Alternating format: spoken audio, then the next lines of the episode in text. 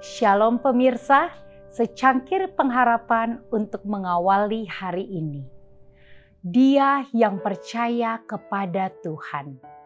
Siapa memperhatikan firman akan mendapat kebaikan. Dan berbahagialah orang yang percaya kepada Tuhan. Amsal 16 ayat 20. Jika kita mau mendengarkan karya ciptaan Tuhan akan mengajarkan kita pelajaran berharga tentang percaya dan penurutan.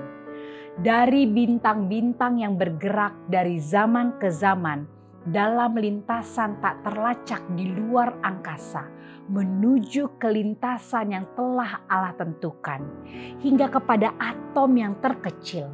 Benda-benda alam ini mematuhi kehendak Sang Pencipta Tuhan peduli dan memelihara segala sesuatu yang telah diciptakannya. Dia yang menopang alam semesta yang tak terbatas, juga memperhatikan kebutuhan dari burung pipit, coklat kecil yang bernyanyi sepanjang hari tanpa rasa cemas.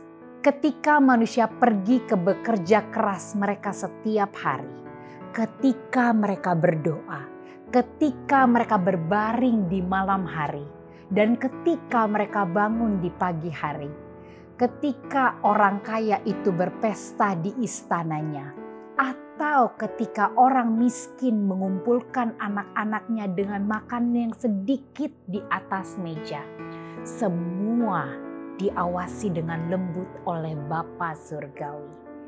Tidak ada air mata yang tidak diperhatikannya tidak ada senyuman yang lewat dari pantauannya. Jika kita percaya sepenuhnya akan hal ini, maka semua kecemasan yang tidak perlu akan lenyap seketika.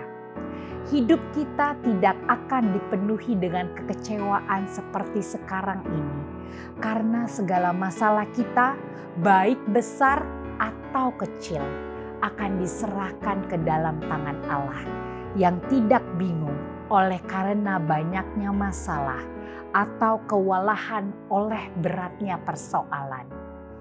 Kita kemudian dapat menikmati damai sejahtera yang menjadi kerinduan banyak orang.